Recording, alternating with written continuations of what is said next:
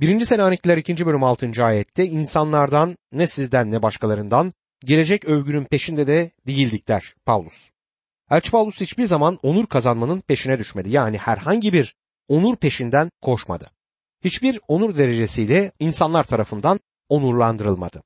Onun amacı saf ve arıydı. Onun tüm isteği Tanrı'nın iyi haberini insanlara iletmektir ve kendi yaşamında da imanını korumak ve Rabbe yaraşır bir yaşam sürmekti. Selaniklilere 2. bölüm 7. ayete geldiğimiz zaman elçilik hizmetinin annelik yönü görülür. Elçi Paulus 7. ayette şöyle yazıyor. Mesih'in elçileri olarak size ağırlığımızı hissettirebilirdik ama çocuklarını bağrına basan bir anne gibi size şefkatle davrandık. Yavrularına bakan ana kuş gibidir. Burada kullanılan anne sözü Elçi Paulus'un Seraniklilere olan yakın ilişkisini canlandırır bu ayette. Size anne, ana kuş oldum diyor burada. Ne kadar büyük bir alçak gönüllülük örneği. Elçi Paulus Selanik Kilisesi'ne bir ananın çocuklarına yaklaştığı duygularla yaklaşmaktadır. Yarışilim kentine ilişkin Rab İsa Mesih Matta 23. bölüm 37. ayette şunları söylüyor. Ey Yarışilim! Peygamberleri öldüren, kendisine gönderilenleri taşlayan Yarışilim! Tavuğun civcivlerini kanatları altına topladığı gibi ben de kaç kez senin çocuklarını toplamak istedim ama siz istemediniz. Mesih kendisini çok değişik yollarla anlatmaktadır kutsal sözde. Kendisini koyunları için canını veren iyi çoban olarak niteler. O koyunlarını korur ve bir gün tüm sürüsünü hem emniyette olacakları hem de esenlik içerisinde olacakları kendi yanına toplayacaktır. Tavukla minik civcivleri örneğinde burada kullanır. Çocukluğum küçük bir kasabada geçti. Orada bazı komşuların birkaç tavuk beslediğini gördüm. Sonra da bahar yaklaştığında tavuğun altına yumurtaları koyup tavuğu kuluçkaya yatırdıklarını hala anımsarım. 21 gün gibi kısa zamanın ardından civcivler kabuklarını kırıp bir sürü oluştururlar. Bahçede avlunun her yakasında gezinir, toprakta eşelenirlerdi. Aniden bir yağmur bastırdığında anaç tavuk gıt gıt seslerini çıkararak civcivlerini kümese toplardı.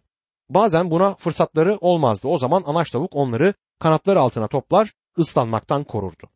Yağmur onun tüylerinden geçmezdi. Böylece civcivler emniyetli olurlardı.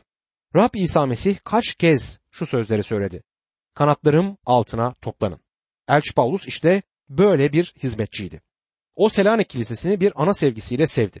Selanik'teki inanlılar onun değerli, sevgili çocukları, kardeşleriydi. Bugün de böyle hizmet eden kişiler vardır. Belki büyük yorumcular değiller ama Tanrı sözüne iman edip onu vaaz etmektedirler. Böylesi sadık ve deneyimli vaizler, hizmet edenler, dertte olanlara yardım elini uzatmakta, onlara teselli kaynağı olmakta çok yarar sağlamaktadırlar. Sana yardım etmesi için böyle birini bulduğunda ona yüreğini açmakta, derdini anlatmakta tereddüt göstermeyin dostum. 1. Selanikliler 2. bölüm 8. ayette sizlere öylesine gönülden bağlanmıştık ki sizinle yalnız Tanrı'nın müjdesini değil, kendi canlarımızı da paylaşmaya razıydık. Çünkü sizi o denli çok sevdik diyor. Elçi Paulus Selanik'teki inanları derin bir sevgiyle seviyordu. Onlar için seve seve canını vermeye hazırdı. Sevgi Mesih inancının temelidir. İşte Tanrı sevgisini alan Elçi Paulus Selanik'teki inanlara sizi böylesine içten bir sevgiyle sevmekteyim diyebilmekteydi. 9. ayette ise Paulus evet kardeşler nasıl uğraşıp didindiğimizi anımsarsınız. Hiçbirinize yük olmamak için gece gündüz çalıştık. Tanrı'nın müjdesini size duyurduk diyor. Gece gündüz emek veren, çaba gösteren biri kuşkusuz annedir. Babanın işi genellikle sabahleyin başlayıp akşam işten döndükten sonra sona eriyor ama bir annenin işinin görevinin bittiğini ben hiç görmedim. Anne yaptığı iş için maaş almaz. O sevdiği için çocuklarına hizmet eder. Onlar için emek harcar. Elçi Paulus da bir anne gibi hizmet vermektedir. Onun görevi, onun işi, hizmeti bir saatlik bir hizmet, bir görev değildi. Nitekim Paulus da bunu vurgular. Annelerin günde yalnız 8 saat çalışmaları için kurulan bir dernekten bilmiyorum haberiniz var mı? 8 saatim doldu diye ağlayan çocuğunu bir kenara bırakıp artık çalışmam diyen bir anne tanıyor musunuz bilmiyorum. Belki bazı kadınlar böylesi bir derneğe üye olabilir ama gerçek annelerin bunu istediğini hiçbir şekilde sanmam. Anneler biraz farklı çalışır ama gece gündüz çalıştıkları kesin. İki genç kız bir süre birlikte bir iplik fabrikasında çalışır. Biri işi bırakır, aradan yıllar geçer, birbirini görmezler. Bir gün sokakta karşılaşırlar. Çalışan kız sorar. Şimdi ne yapıyorsun? Hala çalışıyor musun? Diğeri yanıtlar. Hayır çalışmıyorum artık. Evlendim. Eşimle bir de oğlumuz var. Sabahları erkenden kalkıp çocuğu doyuruyorum. Sonra da işe giden kocam için kahvaltı hazırlıyorum. Sonra temizlik, çamaşır, ütü, akşam yemeğinin hazırlanması, bulaşıklar diye devam eder. Çalışan kız hatırlıyorum iplik fabrikasında çalışırken gözün hep saatteydi. Düdük çaldığı zaman hemen dışarı fırlardın der. Genç anne yanıtlar artık saate bakmıyorum. Daha uzun saatler çalışabiliyorum artık ama bu gerçek iş gibi değil. Genç anne sevgiyle yeni işinde yönlendirilmiştir. Bu artık iş gibi ona görünmez. Elçi burada söylediği de tam olarak budur. İnsanları sevdi o. Gece gündüz çalıştı çünkü onları seviyordu. Bizler de birbirimizi anne sevgisiyle ananın yavrularına sunduğu şefkatle sevmeliyiz. Şimdi de Elçi Paulus'un babalık yönüne geliyoruz. 1. Selanikliler 2. bölüm 10. ayette iman eden sizlere karşı davranışımızın nedenli kutsal, adil, kusursuz olduğuna siz tanıksınız. Tanrı da buna tanıktır diyor. Tanıksınız kelimesini kullanıyor Paulus.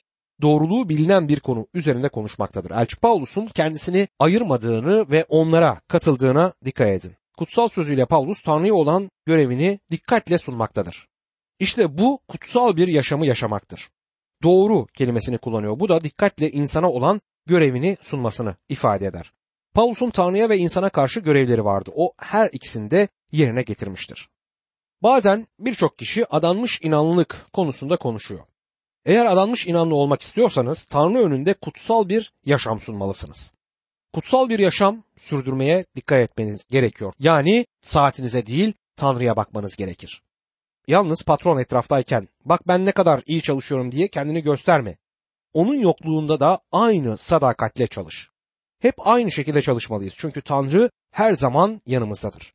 Toplulukta ön sırada oturmak, gözyaşı dökmek, güzel sözlerle süslü dualar etmek adanmış inanlılık demek değildir. Şefin sana ilişkin ne düşünüyor? Belki de bir öğrencisin. Öğretmenlerinin hakkında ne düşünüyorsun? Eğer tembelsen adanmış değilsin. Adanmış yaşam doğru yaşamdır, kutsal yaşamdır. Bu yaşam her an Tanrı'nın önünde yaşamaktır çünkü. Kusursuz tutumdan bahseder Pavlus. Bu haberci ve arkadaşlarında bir hata bulunmadığı anlamına gelir.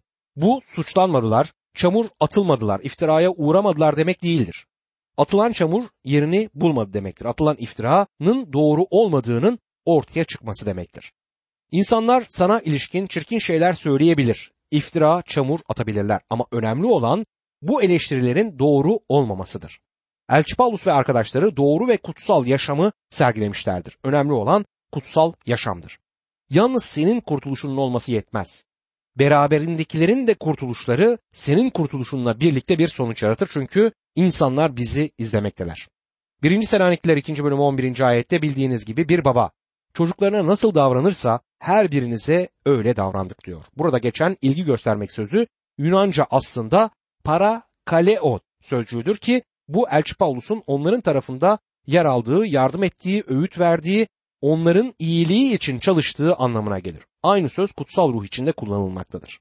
Rab İsa Mesih'in kutsal ruhu göndereceği, o gelince dünyayı günaha, doğruluğa ve yargıya ilişkin eleştireceğini söylediği Yuhanna 16. bölümdeki 7 ila 11. ayetler arasında kullanılan sözcük budur. Mesih İsa bir defasında kutsal ruhun etkisiyle verilmeyen İncil mesajının bir etki taşımayacağı kanaatindeyim. Günaha, doğruluğa ve yargıya karşı olan eleştiriyi kutsal ruh yapacaktır. Bu üç element her zaman İncil mesajında yer almalıdır. Elçiliğin annelik tarafını gördük. Yani müjdeyi yayan bir anne gibi sever, uğraşır ve hizmet eder. İlgi göstermek sözü bugün kullandığımız anlamda burada kullanılmaz. Bu onları ikna etti anlamına gelmektedir. Paulus'un Selaniklilere mesajında bir ısrarcılık vardır. Rica ederim, yalvarırım sözlerini bollukla kullandığını görüyoruz. İncil bugün de bu yolla başkalarına götürülmektedir. Elçi Paulus onları eleştirdi. Onun sözleri bir sertlik ve disiplin taşımaktaydı. Ayakta kalabilen, doğruya dayanan sözlerdi bunlar. Korkarım bugünlerde kürsünün ardından ne şiş yansın ne de kebap türünden vaazlar dinlemeye alıştık.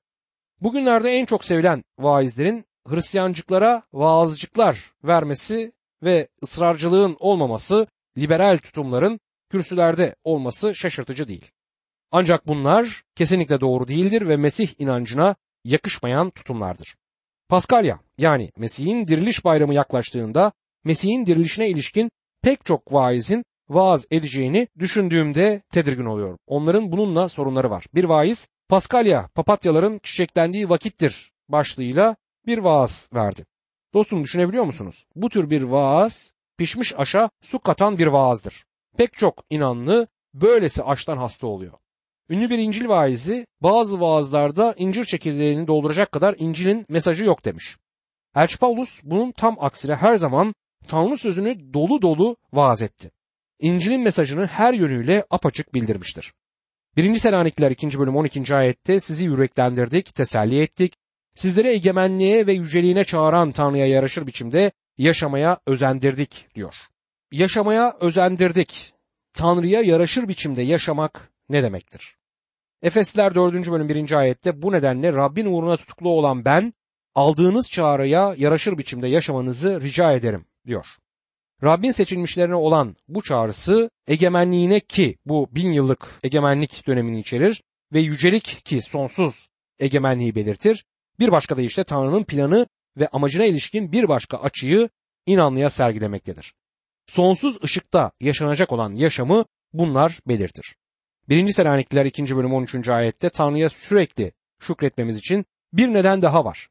Tanrı sözünü bizden duyup kabul ettiğiniz zaman bunu insan sözü olarak değil, gerçekte olduğu gibi Tanrı sözü olarak benimsediniz. Siz imanlılarda etkin olan da bu sözdür diyor. Şimdi burada İncil'i bildirmenin, duyurmanın bir başka yanını görmekteyiz. 1. Selanikler 1. bölüm 5. ayette çünkü getirdiğimiz sevinç getirici haber size yalnız sözde gelmedi. Bunun yanı sıra güçle, kutsal ruhla ve bol kanıtla geldi demişti Elçi Pavlus daha önce. Bu İncil'in bildirilmesi gereken yoldur. Şunu söylemek isterim. Eğer kişi İncil'i tanıtıyorsa ve bunu güçle gerçekleştiriyorsa bu Tanrı sözü olarak algılanır. Sen Tanrı sözünü nasıl algılıyorsun? Onu Tanrı sözü olarak algılıyor musun ya da ona kızıyor musun? Başındaki tüyler diken diken oluyor mu? Uzun yıllar yaptığım vaizliğin ardından birçoklarınca vaazın ardından bazı sorularla karşı karşıya kaldım. Acaba bu sabahki vaazımda onu mu kastettim diye sordular. Sevgili dostum, onca kalabalık arasında o kişinin orada olup olmadığını bile fark etmemişimdir. Onların yarasına parmak asan bir noktayı kendilerine saldırı olarak nitelendirirler. Gerçek şudur ki Tanrı sözünü Tanrı sözü olarak algılamıyorlar. Söz ağızlardan Tanrı sözü olarak çıkmalı ve Tanrı sözü olarak algılanmalıdır. Evet sevgili dinleyicim sen de Tanrı sözünü bu yolla algılamak istersen o zaman söz senin yüreğinde çalışma gücünü bulacaktır ve seni bereketleyecek ve mutlu kılacaktır. Aksi takdirde hayatının önemli noktasında zaman öldürmekten başka iş yapmazsın. Elçi Paulus'un Tanrı sözünü hangi yolları kullanarak verdiğini insanlara duyurduğunu gördük. Bu bazı kişileri öfkelendirmektedir çünkü Tanrı sözü tuzdur ve kişinin yüreği üzerindeki açık günah yarasına değdiğinde onu yakar. Tanrı sözü aynı zamanda ışıktır. Bu da bazılarını rahatsız etmektedir çünkü karanlıkta gördükleri kötü işleri bu ışıkla gün gibi ortaya çıkar. Elçi Paulus Senaniklere yazdığı bu ilk mektubunun bu bölümünde Tanrı Kilisesi'nin yeryüzünde Tanrı ailesinin bir aynası olması gerektiğini belirtir. İnanlara analık, babalık ve kardeşlik ilişkisinden söz eder. İnanlar topluluğu aslında bir ailedir. Bu aile içerisinde yaşadığımız topluma Tanrı'yı açıklayan bir aile durumunda olmalıyız. Evdeki karı koca ve çocuk ilişkileri Tanrı'nın ve Mesih'in sevgisi üç yönlü olarak bu dünyaya sergilenmektedir. Elçi Paulus yöre kilisesinin annelik görevinden konuştu önce. Gece gündüz çalışarak onlara küçük kuşun yavrusuna baktığı gibi bakmaya, çaba harcamaya olan isteğini gösterdi. Günde 8 saat çalışmadı. Her an hizmete hazırdır. Elçi Paulus ardından bu topluluğa bir baba gibi olduğunu söyler. Bir yavrunun evinde ana baba sevgisini tatmaya ihtiyacı vardır. Ana babanın boşanarak ayrılması günümüzde çocuklara büyük bir trajedi kaynağı olur. Çocuklar genel olarak baba sevgisini yeterince almıyorlar. Buradaki babalık sevgisi bir disiplin içerisinde belirtilmektedir. Elçi Paulus Selanik Kilisesi'ne bir baba gibi olduğunu bildirir. Bazı çok ince ve hassas İncil öğretmenleri vardır ki her konudan çok refah üzerine vaazlar verirler. Kutsal yaşamları hep teselli ederler. İnsanlar bundan hoşlanır. Tabii kim hoşlanmaz ki bundan? Ben de rahat bir koltuğa yaslanıp ardıma da yumuşak bir yastık koymayı seviyorum. Bu fiziksel bir rahatlık ve bundan hoşlanırız. Ama yalnızca refaha, rahatlığa gereksinimimiz yok. Aynı zamanda disiplin de bizlere gerekiyor. Korkarım bu görev yani disiplin yanı babalara düşmektedir. Evlerimizde, şehirlerimizde ve hatta kiliselerimizde eksik olan tarafta işte budur. Birinci Selanikliler ikinci bölümde haberciliğin kardeşlik yönü de ele alınır. Şimdi kilisede hizmetin kardeşlik yanı evdeki çocuk örneğiyle betimlenmektedir. Şöyle diyor Paulus 2. bölüm 14. ayette. Çünkü kardeşler siz Tanrı'nın Yahudiye'de bulunan ve Mesih İsa'ya bağlı olan kiliselerine örnek aldınız. Onların Yahudilerden çektiği sıkıntıların aynısını siz de kendi yurttaşlarınızdan çektiniz. Kardeşlerim diyor, onlar kardeşler. Bu adamları kardeş yapan nedir? İki tane burada nokta var. Onları kardeş yapan iki nokta. Renk, ırk ayrımı gözetmeksizin hepimiz günah işledik ve Tanrı'nın yüceliğinden yoksun kaldık. Bu sınıflandırma içerisine girmeyecek insan yok. Bu günahta kardeşliktir. Yani bu tüm insanların ortak yönüdür. Herkes aynı sınıftadır. Kardeşlik günahta kardeşlik olduğu sürece sevgiden yoksundur. İstersen izle kardeşini sonra ona güvenebilir miyim diye kendine sor. Öyleyse Elçi Paulus'un söylediği nedir? Selaniklileri bir arada kardeş yapan nedir? Siz de onların Yahudilerden çekmiş olduğu sıkıntıların aynısını soydaşlarınızdan çektiniz diyor. Selanik Kilisesi büyük kapsamda uluslardan oluşmaktaydı ve Roma İmparatorluğu altındaki büyük işkenceler değilse de işkencenin ne anlam taşıdığını kendi bedenlerinde öğrenmişlerdi. Selanik'te acı çektiler. Paulus onlara şöyle diyor. Sizin işkenceleriniz daha başlamadan önce Yarışilim'deki kardeşler kendi halkı elinde işkence görüyordu. Bu işkenceler sizleri birleştirir ve kardeş kılar. Acı çekmekte kardeştiler. Acı inanları bir araya kenetleyen beton gibidir. Dünyanın pek çok bölgesinde birbirlerine yapıştırılmamış üyelerden kurulan bir kilisedir. Hoşea peygamberin şu sözlerini hatırlarız. Hoşea 13. bölüm 6. ayet. Otlaklara sahip olunca doydular. Doyunca gurura kapıldılar. Bu yüzden unuttular beni. Bolluk içinde yaşamaya başladılar ve tehlikeleri dönüm noktasına geldi. Bugün Batı Avrupa ve Kuzey Amerika ülkelerinde buna benzer olgular yaşanmaktadır. Keşke işkenceler hemen köşe başında biz batıda yaşayan inanlara da görünseydi diyorum bazen kendi kendime. Ruhsal uyanış olsun diye dua eden pek çok insan var kilisede. Bu konuda düzenli olarak bir araya gelen ve dua eden grupları tanıyorum. Ruhsal uyanış olsun diye hepimiz acı ve işkenceler çekelim diye dua ettiklerini hiç duymadım onlardan. Sanıyorum ki bu ülkelerde bu refah düzeyinde yaşarken ruhsal uyanış olmayacaktır. Şu sıralarda Tanrı sözüne bir ilgi var ve bazıları bunu ruhsal uyanış olarak nitelendiriyorlar. Ben buna ruhsal uyanış diyemem. İnanıyorum ki gerçekten ruhsal uyanış olsaydı bunu herkes bilirdi. Kimse kimseye ne dersin bu ruhsal bir uyanış mı diye o zaman sormaz. Ama inanıyorum ki eğer acı ve sıkıntılar kiliseye girerse inanlılar bir araya gelecekler. Başkalarının söylediklerinin tümünü bir kenara bırakırsak göreceğiz ki tüm inanlılar kardeştir. Bu konuda bana bazı noktalarda katılmayıp değişik fikirler ileri sürenler olabilir ama Rab İsa Mesih'teki her inanlı benim kardeşimdir. Bizler Tanrı ailesindeyiz ve bunu bir ayna gibi tüm dünyaya yansıtmamız gerekiyor. Kilise gerçekten dünyaya bir ayna gibi bunu yansıtabilirse gerçek ruhsal uyanış o zaman olacaktır. Dolambaçlı yollar izliyoruz ve ruhsal uyanışa kestirmeden inmek istiyoruz dualarımızla. Ruhsal uyanışı getirecek durumlar için niye dua etmiyoruz?